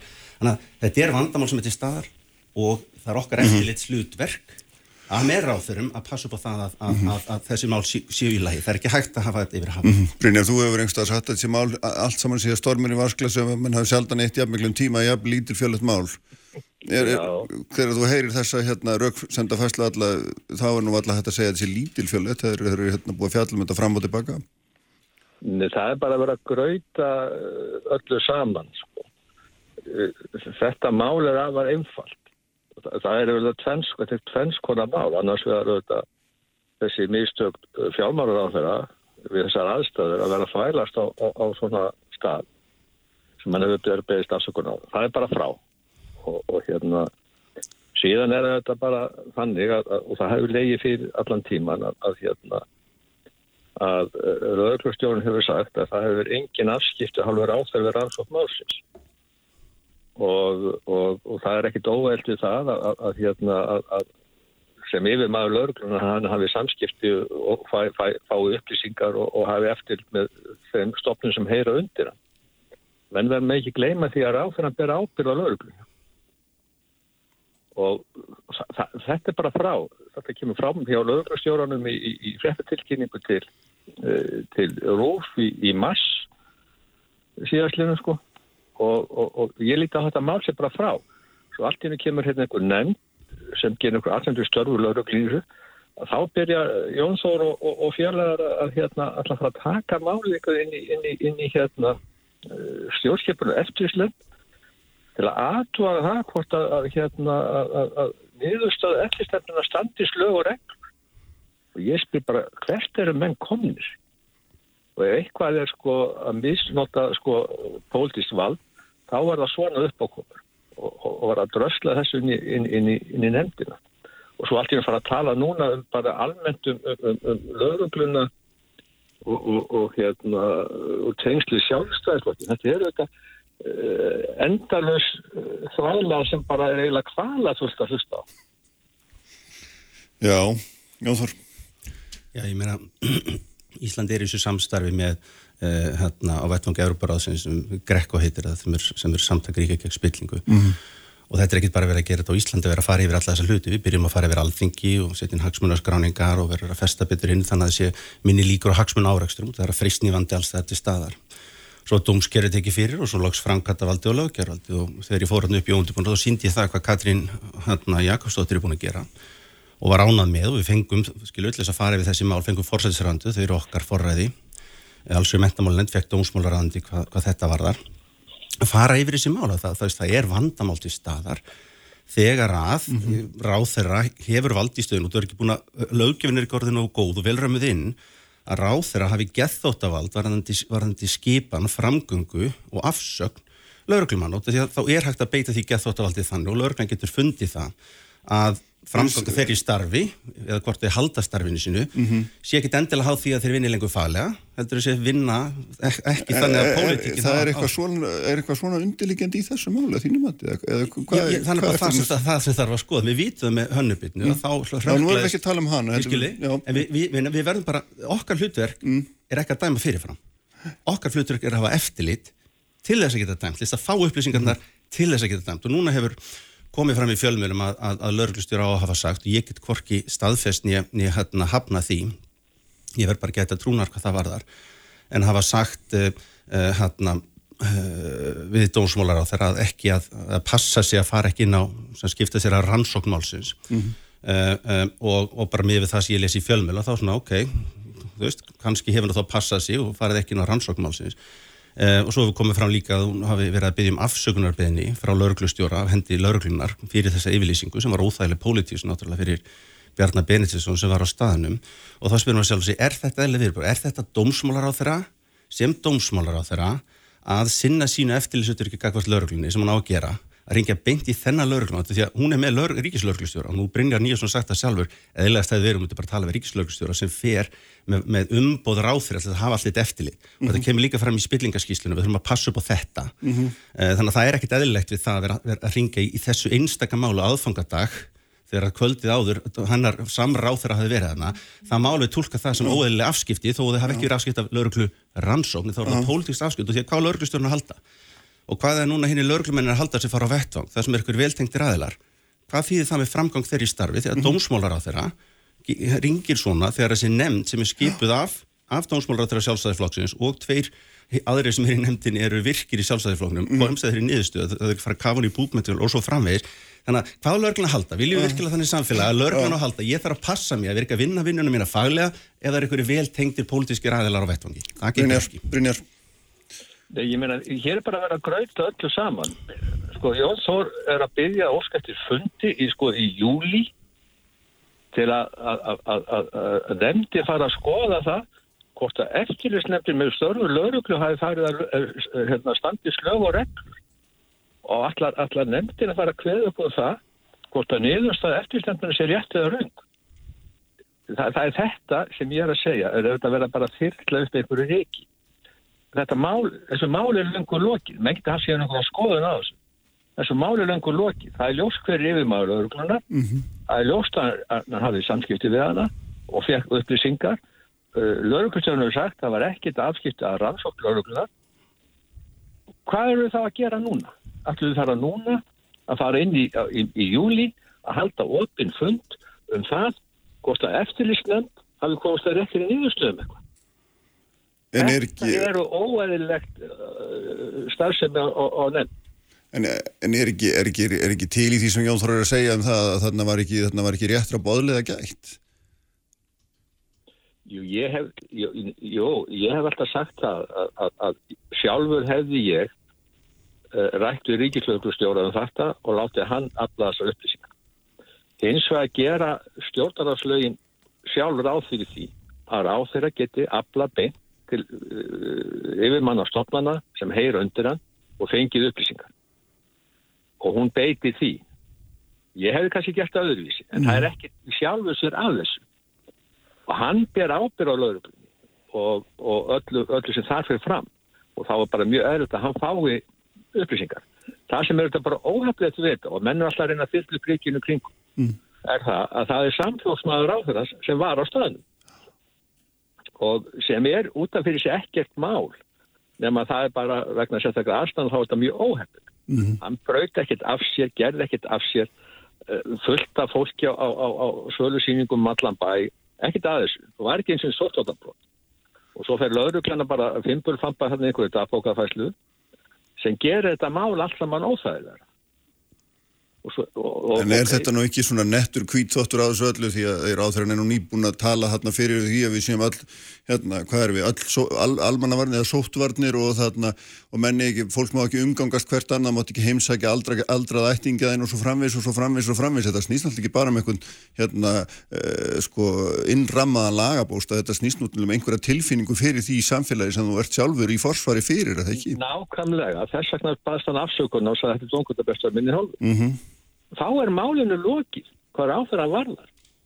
Eftir stendur einhver vinnutöðu lögruglu sem síðan eftir stendum við störfum gerir verið aðtóð eftir standa náttúrulega þessi síntöð líka Brynjar, þau standa náttúrulega eftir líka. Já, já, þau á aðfangadag ekki í rétta meina þau standa eftir, þú getur ekki neita því. Nei, nei, ég neita því nei, nei, en ég er bara að segja það. Lögrustjóður hefur afgriðt það. Það likur allt fyrir. Mm -hmm. Akkur eru það hjakkið þessu máli núna? Það er það sem ég er að segja. Já. Þetta mál var allt auðvitað óþægilegt. Þetta var auðvitað óþægilt fyrir, fyrir fjármáruðanverða við þessar aðstæður. Þetta er allt bara búið og lið. Mm -hmm. Þá byrja menn í sínum pólitíku að misnota í mínum huga, eins og ég kalla það, misnota þessa nefn til að reyna að fyrirlega hérna reykinu upp í staðin fyrir að tala um bara einhverja pólitíku og stefnu að því ætlum að tala um ólefjörna á. Já, já.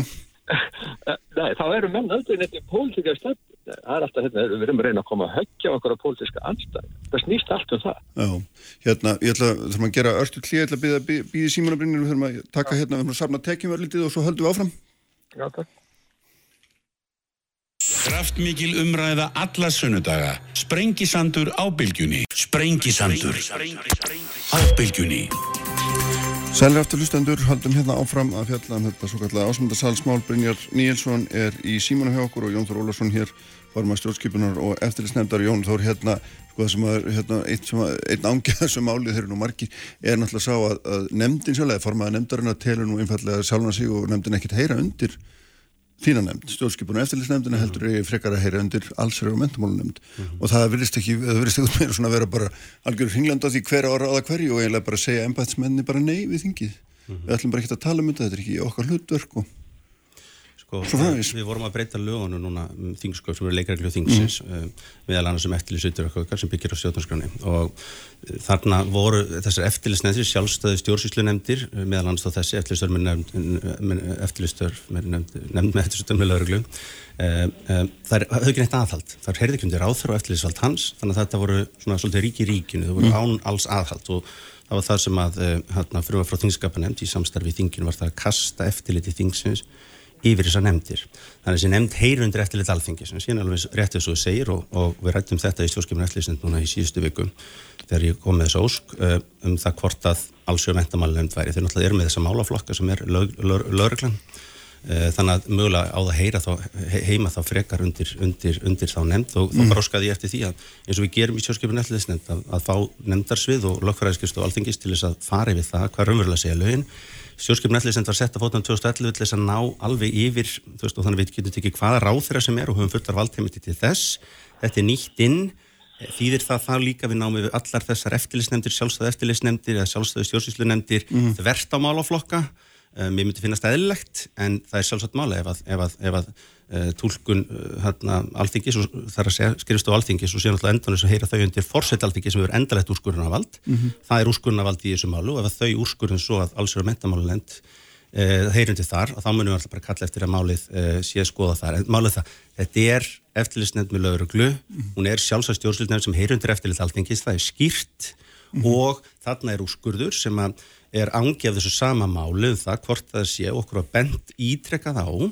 uh, hvort að, að passu upp á þessi ekki pólitísk afskipti af störnum löglu. Mm. Jáfnvel þó þessi ekki afskipti á rannsókn eins og í hönnubitni sem er brotlegt, mjög gróft brot, mm -hmm. það getur líka verið í formi annars eins og til dæmis að uh, ef að rétti er sem að kemur fram í fjölmjölum að, hvað segir þau, að dósmóra það ringir á aðfangandag nokkur tíma eftir ennan viðburð í ásmundarsal og segir ætla ekki að beðast afsökunar. Mm. Vitandi það, lögurlistjóðinu veit það að hún er nýbúin að skipana og framganga hennar í starfi og áframhaldandi setjistarfi vestur og dósnóra Þa, það geta verið óðileg uh, afskipti og geta verið pólitísk og sporin hræða, við þurfum að skoða þetta. Já, eh, hérna Brynjar sko, það er þetta að horfa á þetta, þetta pólitíska líka hinn með frávegnis út, út frá grein sem þú skrifaði sjálfur um hérna þetta mál, að þú ert að, hérna, ert að velta því fyrir því hvort að pólitísk viðþorf lauruglumanna ráði, ráði því hvernig þeir meðhandla mál þar að segja, þú ert meðanum að snúa þessari, þessari krónubrakvolf og segja hérna að þeirra afstæða lífskoðun, hún ráði því hvernig þeir umgangast einstakar ráðamenn.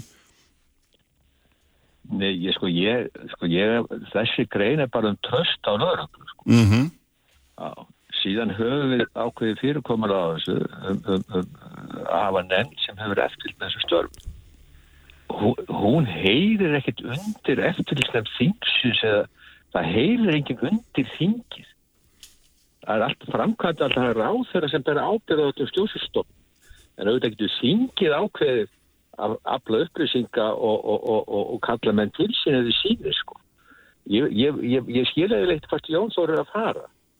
En það sem ég bara gaggrinni í þessu er bara það að, að, að, hérna, að við höfum ekki hérna einhvern veginn þingmenn að hérna, koma og, og halda einhvern fund til að hveða upp úr um það hvort að einhvern hafi farið að lögum eða ekki eða hvort einhvern niðurstað einhvern nefnda sér lögfræðilega er ég hvert eru menn komni þá? Ég byrju hver á að gera það þá? Engin bara? Nei, það eru þetta domstórun alltaf á endanum sem hveðu upp um það við, getum, við höfum síðan aðra nefndir eins og personuvend og allt heyrir þetta undir einhvern ráðsæða er einhver sem ber ábyrð ás það er ekki þingið ég, ég, ég veit ekki hvert menn er eiginlega konni sko. mm -hmm. ég er að fá bregðast til þessu já, ja.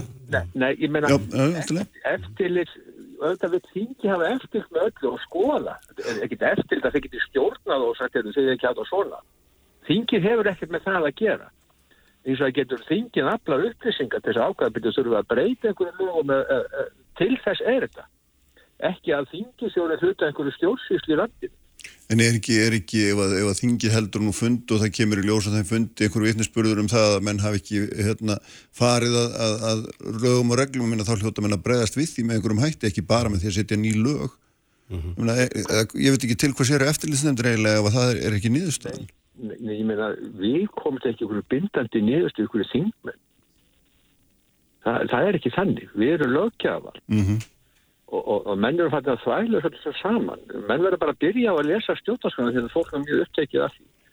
Það er einfallega ráþæra sem ber ábyrðu öllum stjórnarættum. Þannig ef að ráþæran telur þetta að vera í lægi af því að þetta, þessi nefndi nú hérna, skipuða fólki að hluta til innan úr ráðnitunum þá, hérna, þá, þá er ekkert þetta að gera í því meira. Nei, en auðvitað er ráþæran síðan í umbúið þingsins og það er það sem þingið er alltaf auðvitað veltað fyrir sér. Við viljum bara fá upplýsingar um þetta svo við getum þá tekið eitthvað afstöð til þess En það er ekki einhver, eins og einhver heyri undir stjórnskipuna eftirlistnefnd, einhver önnur eftirlistnefnd heyri undir hana. menn verða að passa svolítið hvað orður eru að noti þessu. Mm -hmm. Við séum bara einhvern veginn allsvegar yfirvald og úrskurðar aðeinar um hvort einhver annar hafi farið að lögum. Það er bara algjörlega fjari lægi menn verða bara að passa sig á þessu. Og ef eitthvað er spillingi fyrir samfélag það er það að menn verða að nota sko pólitíkin og nefndi þingsins með þessum hætti í mínum huga sko. Aha, Jón Þór.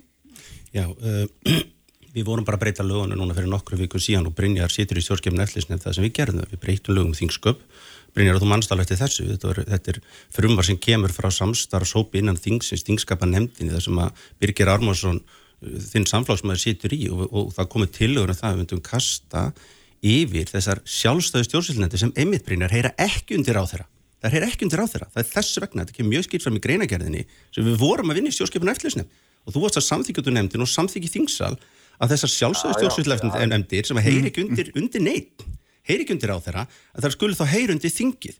Og þá er það okkar skilda að hafa eftirlit, er við úrskurðarli? Nei, það sem við gerum, við gefum álitt hvort okkur síni sem svo í ljóseitar upplýsingar sem við fáum hvort það hefur óeðlilega staðið að málum hjá mm -hmm. þeim sem við höfum eftirlit með samt hvort þau ráð þeirra mm -hmm. eða þessi eftirlitsnefnd núna og, ef, og, og jafnvel að breyta lögum. En stundu þar bara að benda á, heyrðu, það þarf að gera hlutina betur. En það er okkar skilda núna Brynjar, samkvæmt lögum að hafa eftirlit með því. Og þetta er pólitísk afskipti mögulega af lauruglu við getum ekki látið sýtja hjá, við verðum að breyðast við Já, Brynjar, þetta er þert á það sem þú segir það er alveg rétt sko, þingið sko, skipar einhverja nefndir sem ég er að vísa alltaf á móti alltaf vera á móti því að þingið sé að vasast í einhverju svona.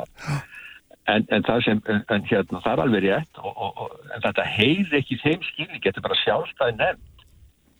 En hún, er það, er, ég skil ekki alveg, Jónsson segja hún heyri ekki undir ráð þeirra, hún er bara sjálfstæð, heyri hún þá ekki undir neitt, eða hvernig er þetta einlega? Nei, þetta er vandamál sem við verið að tala um í mörg á sem við byrjaðum að þingi, við erum alltaf að búa til einhverja sjálfstæðar nefndir sem við sko hefum ekkert valdið og þeir hafa bara eitthvað svona úrskorðavald og jafnvel bara sem varða mikið sko hagsmunni þjóðarna.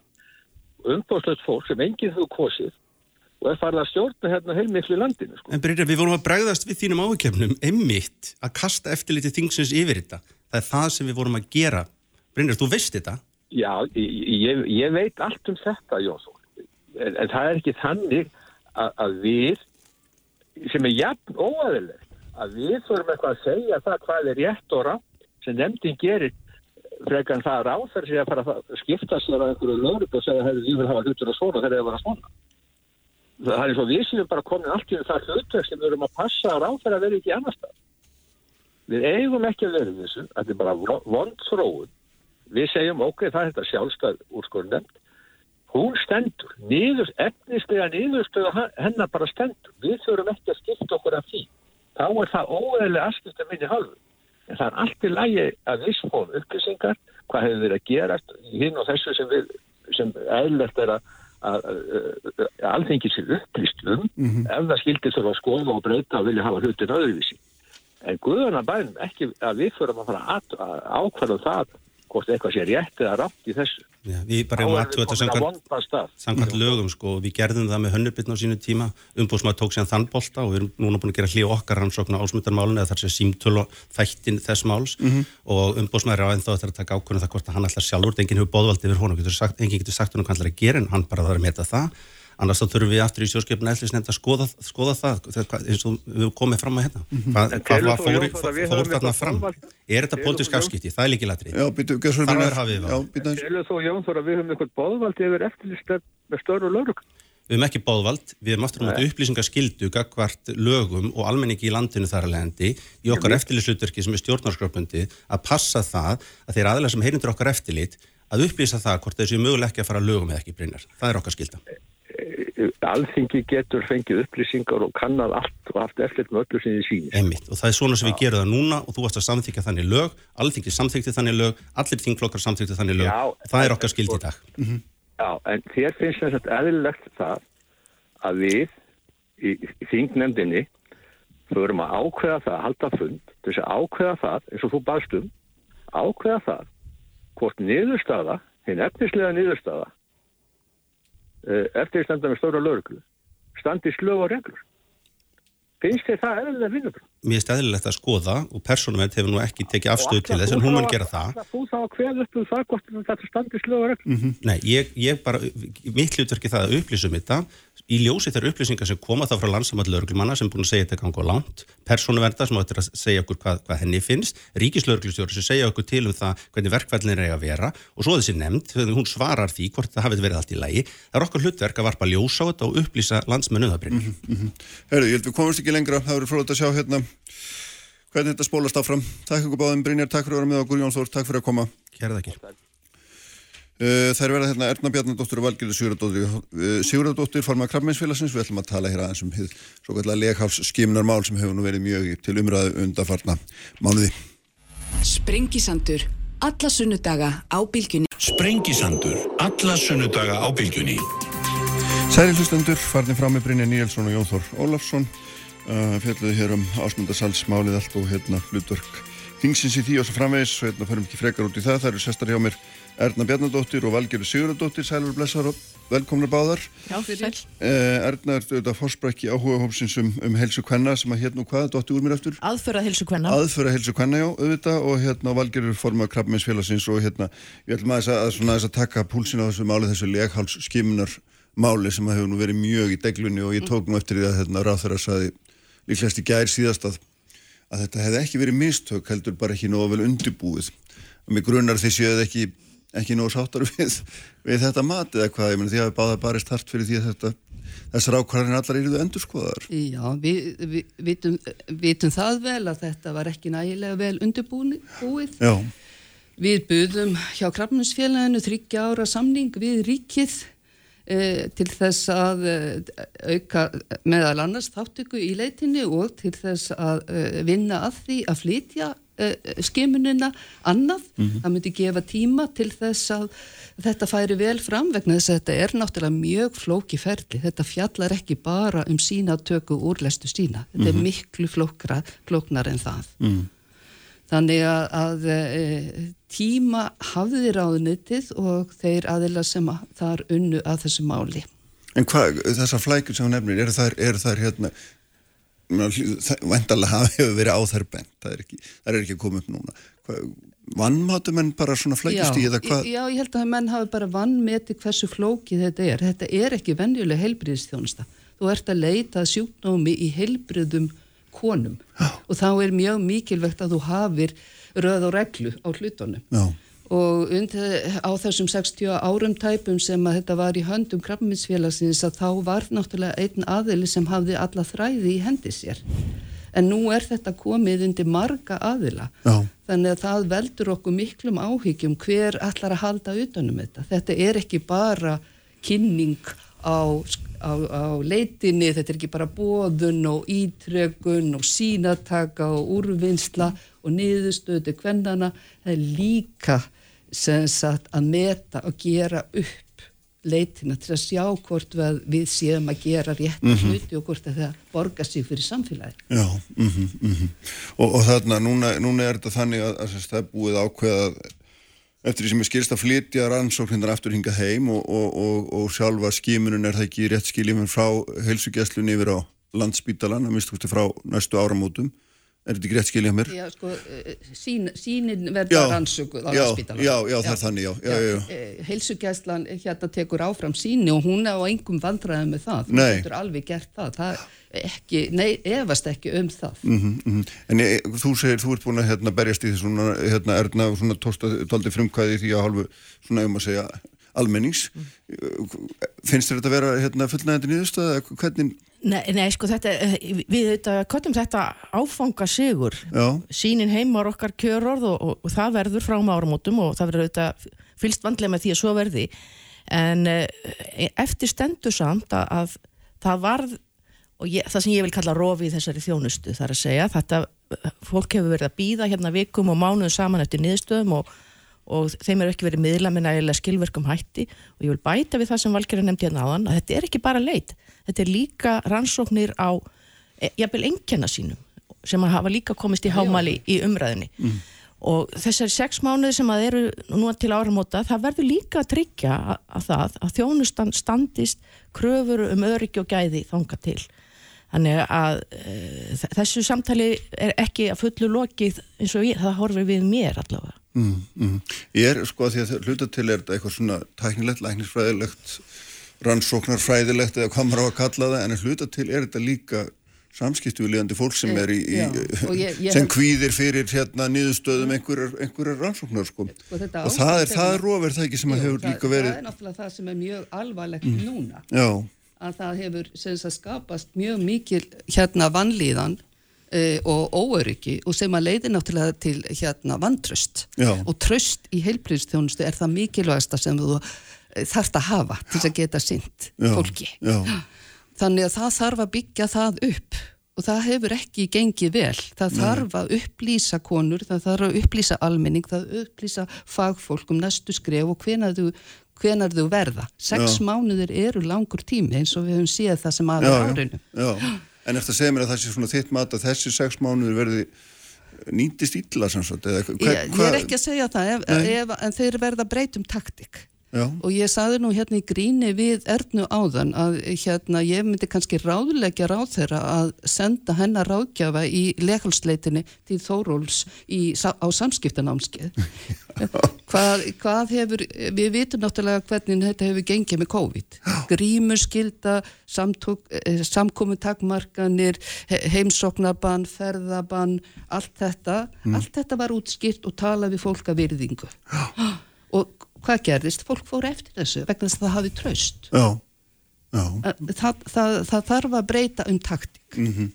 Sko er, ég veit ekki hérna, kannski er þetta eitthvað della en sko það, það er náttúrulega mjög margir sem að eh, hafa nefnt einmitt að þetta sé eitthvað meginn eitthvað svona, ég veit ekki hvað maður sé beini sérstaklega gegn konum eitthvað, þú kallar þetta aðförað heilsu hvenna eins og þetta sé eitthvað með þannig að ef þetta væru kallar þá myndi þetta verið þá hefði verið betur utan að haldið mena, mm. og maður hefur heyrt þessi viðþorf eða séð við það sko. Já það er allavega aldrei mín nálgun á nei, þetta þessi nei. aðför að heilsu hvenna þau orð fjallu í viðtali við varaforma læknarast landsbítalans í kvöldfrettum sjónvast 20. februar og mér, þetta sló mig svo stert í að hérna, svona félagskapur hann getur ekki látið svona frá sér fara nema að þeir telji að einhver alvarleg ópn sé á ferðinni. Mm. um, í mínum huga hefur aldrei, hefur aldrei kvarla að mér að þetta snúist um það að við séum, hérna, séumst konur eigi eitthvað verra skilið eða það sé einhverjum með einhverjar meiningar af því, heldur engöngu verið að skýrskota til þess að þetta rof á þjónustinni sé ógn við heilsu kvenna. Það, það er það eina sem að þarna er verið að skýrskota til og, og bara undistrykka það eins og valgjörðu kemur hérna inn á öryggi, gæði og mannverðing það þurfa að vera líkil mm -hmm. orðin í þessu já, verkefni áfram já. En hvernig svona ef, ef, hérna, ef ég bæði ykkur að meina, horfa á þetta tímambil sem er framöndan hvernig væri það best unnið með hagsmunni þeirra fyrir augum sem að svona hérna sem að bæðir að býða eftir niðurstöðum og eins og eftir að fara næstu sex mánuð og allt þetta, ég meina hvernig, hvernig komum við þessu afturvalgir á þar stað að hérna, það ríki bara fullt yeah. tröst á milli almennings og þeirra, þeirra stofnuna sem er að sinna þessu? Sko ég, ég, það, það þarf að gera eitthvað til þess að ávinna sér tröst mm. þannig að þeir þurfa þeir, þeir aðila sem að sinna þessu þurfa að sína það að þeir meina eitthvað með þeim skrefum sem er nú er búið að taka. Og leggja upp þá plan fyrir það sem að, uh, á að koma. Uh, sko það er eitt, það er ástandi núna. Mm. en ég hef líka sem læknir áhyggjur af framhaldinu. Menna leghálskrabba minn í dag er ekki algengur sjúdómur hann var það.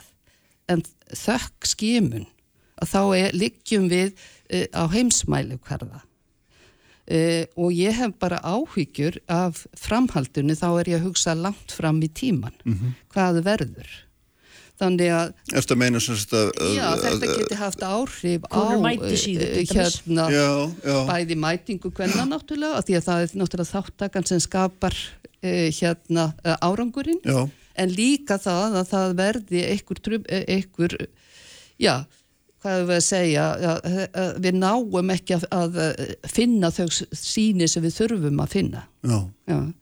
Þannig að það er bæði til stittri tíma og til lengri tíma en núna er mikilvægast að hugsa til stittri tíma þessara sex mánada og þá held ég að það skiptir mestu máli að hafa opinn, hreinskiptin og heiðarleg og fagleg samskipti. Já, já.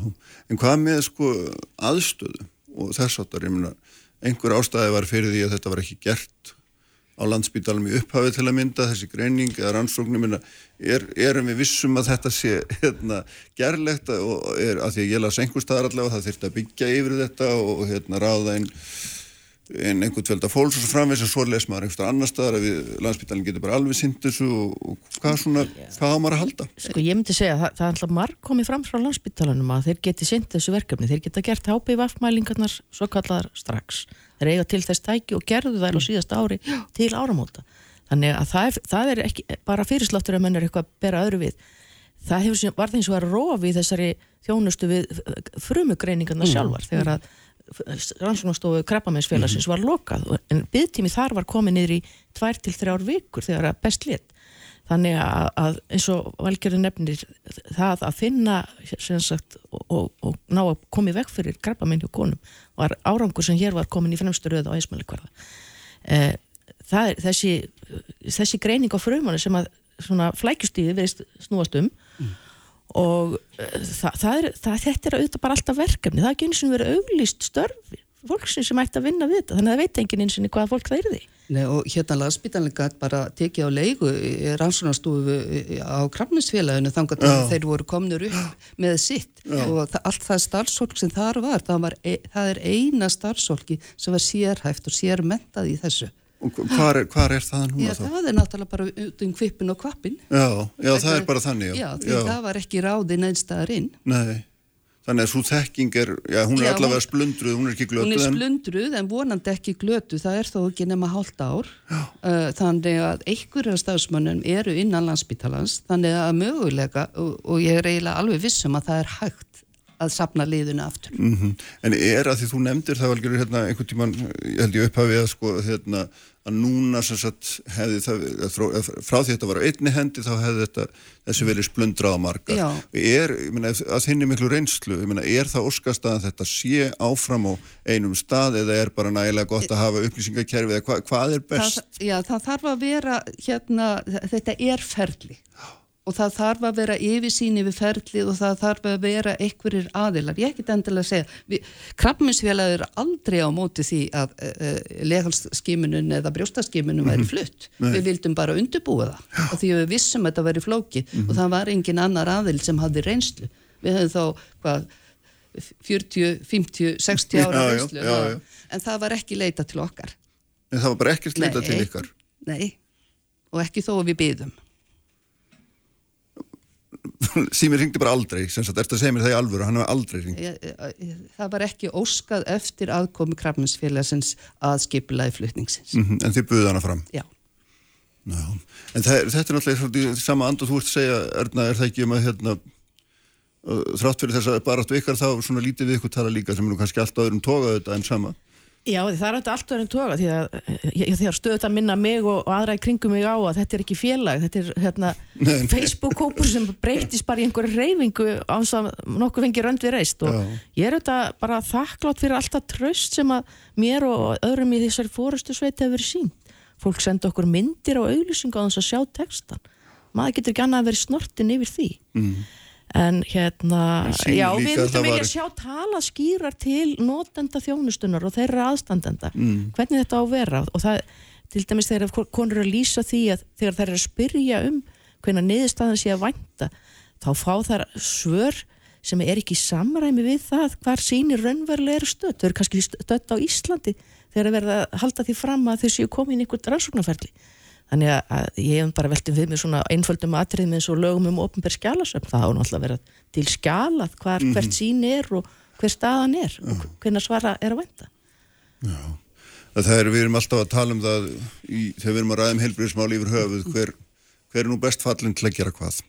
Já. Er það hitt ofnbæra eða er það sjálfstæði félagsamtöku eða einhverjir enga alaðir? Hvað, hvað finnst þér hérna, hvað sögu segir þetta mál okkur um um þetta um og byrjaði aðeins að hérna, huglega það með mér. Já, hérna ég er kannski ekki besta mannskjan til að svara því en eh, við höfum náttúrulega búið við ákveðið sambland hinga til og við erum bara mjög lítið land. Við gleymið því stundum að við erum ekki einsinu 400.000 og það verður stundum að aðlaga aðstæður við landið. Það, við getum ekki alltaf borið okkur saman við uh, útlönd.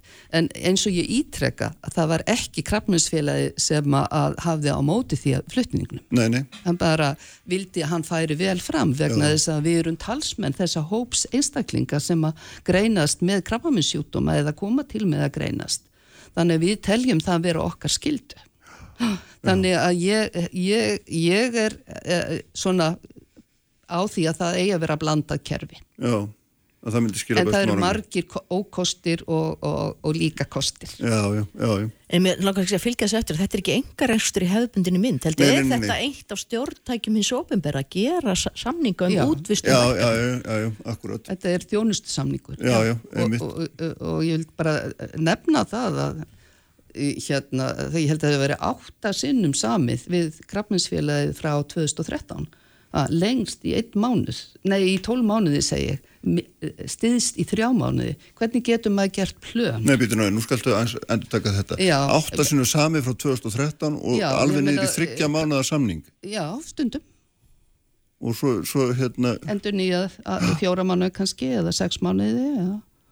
og, já, og þannig að reksturinn átti bara að vinnu ganga. kannski á ársu uppræknum fresti eða sex mánuð Já, það, ég meina þú byggir ekki upp uh, starfið, þú þróar ekki starfið áfram ef þú hefur ekki hérna öryggi í starfsöryggi.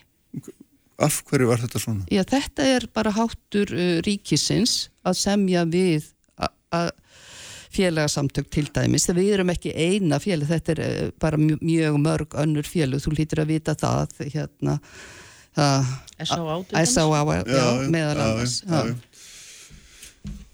já, já. Já, það er aldrei, ég segir að það er hérna, það er margt óunnið en þá, hérna, en allavega þetta komið svona langt og Já, hérna, fögnum þið, þið eru bjart heldur en þið voruð Já, fyrir því. dögum. Við Já, fögnum Algjörlega. því, já. ljómandi, þakka ykkur báðum fyrir að koma Takk fyrir og við verðum að láta sprengisandirum loki í dag Ívar Davíð Haldursson stýriði útsendingu eins og hann gerir alltaf allt efni með að auðvitað finna á vísi.is og bilgjam.is og hvar veitnaði sem þið finnir hlaðvarp svo verðum við ykkur hér aftur eftir viku, verið sæl